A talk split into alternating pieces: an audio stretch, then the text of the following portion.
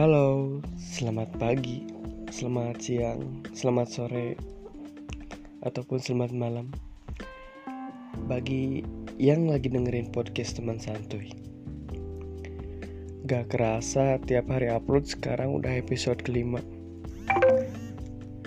Semoga gak bosan ya. Gak bosan buat yang dengerin. Gak bosan juga buat gue yang mau konsisten bikin.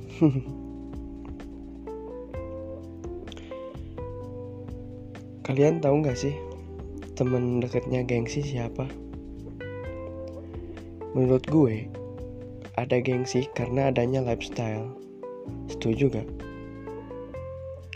dulu gaji gue pertama kerja cuma 1,8 juta itu berasa udah gede banget buat dipakai hidup sendiri tanpa kosan. Buat kita saving masih sisa banyak. Lanjut, gue pindah ke Bandung ya niatnya sih pengen cari pengalaman baru sambil kerja. Eh by the way gaji yang 1,8 juta tadi gue masih di Kabupaten Sumedang. Gue kerja di Bandung waktu itu kos dengan penghasilan stabilnya di 5 jutaan. Kalau dipikir-pikir penghasilan gue udah hampir tiga kali lipatnya gaji gue dulu.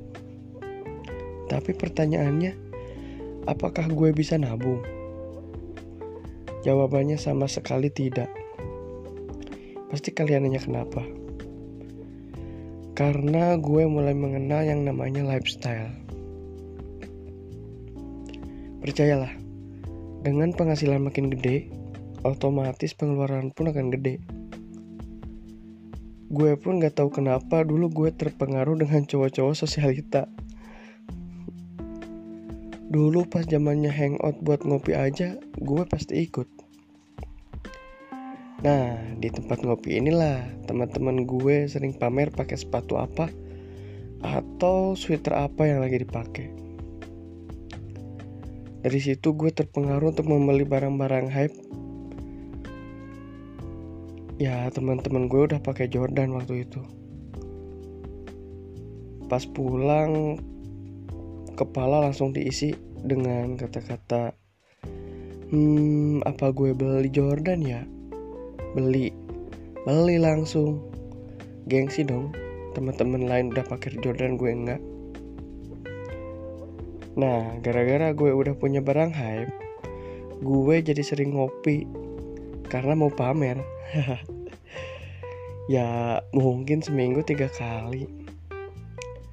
Kalau sekarang uang kopinya gue rinci, ya mungkin kayak gini deh. Coba lu simak baik-baik. Harga kopi 35.000 kali gue tiga kali dalam seminggu. Kali satu tahun lebih satu bulan ya 52 minggu.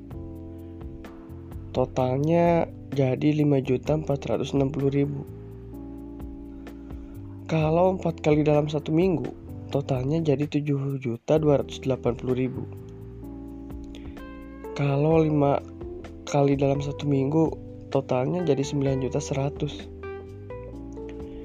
Coba kalau dibandingkan dengan liburan yang budget 5 juta aja. Tiket ke Bali PP cuma sejuta 200. Belinya di off season. Nginep di hotel 3 malam kelas Haris 500 ribu per malam. Seribu sejuta 500. Masih ada sisa tuh 2 juta 300. Buat makan, sewa motor, ngebir, dan yang lainnya. Coba deh kalian pikirin. Terus gue pas udah di Bandung juga gue beli motor baru. Padahal motor lama yang udah gue pakai dari zaman gue SMA masih pantas buat dipakai, masih layak lah. Gak tahu kenapa gue pengen aja beli motor baru karena waktu itu gue belum mengenal yang namanya aset konsumtif dan dengan aset produktif. Ya motor misalnya. Masuknya kan aset konsumtif. Aset yang lo beli lalu untuk makainya lo mesti keluarin duit buat beli bensin servis berkala perpanjang STNK car wash dan ya lainnya. Sedangkan nilainya turun terus kalau aset produktif ya kebalikannya. Aset yang menghasilkan kayak lo pro, beli properti atau bikin kosan yang nilainya justru naik terus.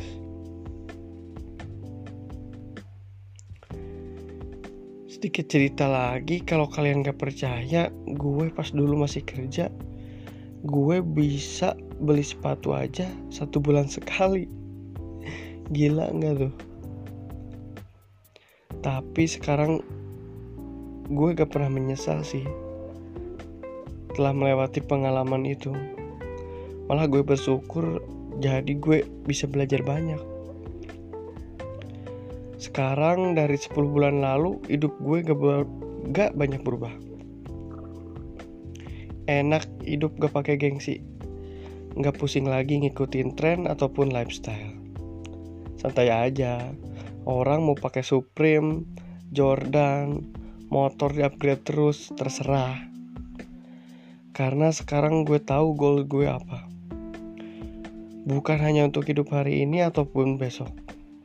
Dan gue gak mau lagi kembali ke hidup yang nyusahin diri sendiri.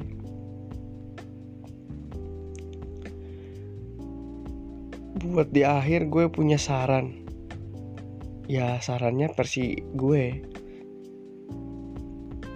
Mari kita selesaikan. Satu, kalau lo tahu ke mana pengeluaran lo bocor, lo jadi bisa kontrol. Ya contohnya aja tadi yang ngopi 35 ribu sehari Seminggu udah 250 ribu Sebulan udah 1 juta Kedua Kalau udah tahu bocornya ke mana Lo cari solusinya Cari alternatif Tiga, sebenarnya ada dua jalan sih untuk punya duit lebih. Cari duit lebih atau potong pengeluarannya. Nah, kalau gue sih praktis-praktis aja.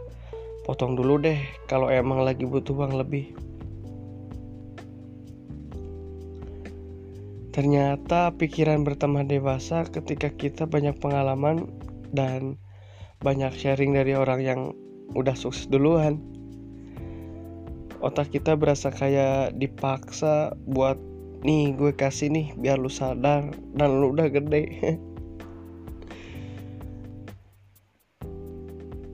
Dan yang terakhir gue mau sharing tentang tanya diri lo sendiri mau gimana. Kalau gue sih sekarang gue udah tahu tujuan hidup gue apa Gue ingin sekali menginspirasi banyak orang, meskipun gue bukan siapa-siapa. Gue pengen banget bermanfaat bagi orang banyak. Gue sekarang sangat menghargai waktu. Dan dengan sekarang gue resign dan berwirausaha, memungkinkan gue untuk produktif banget.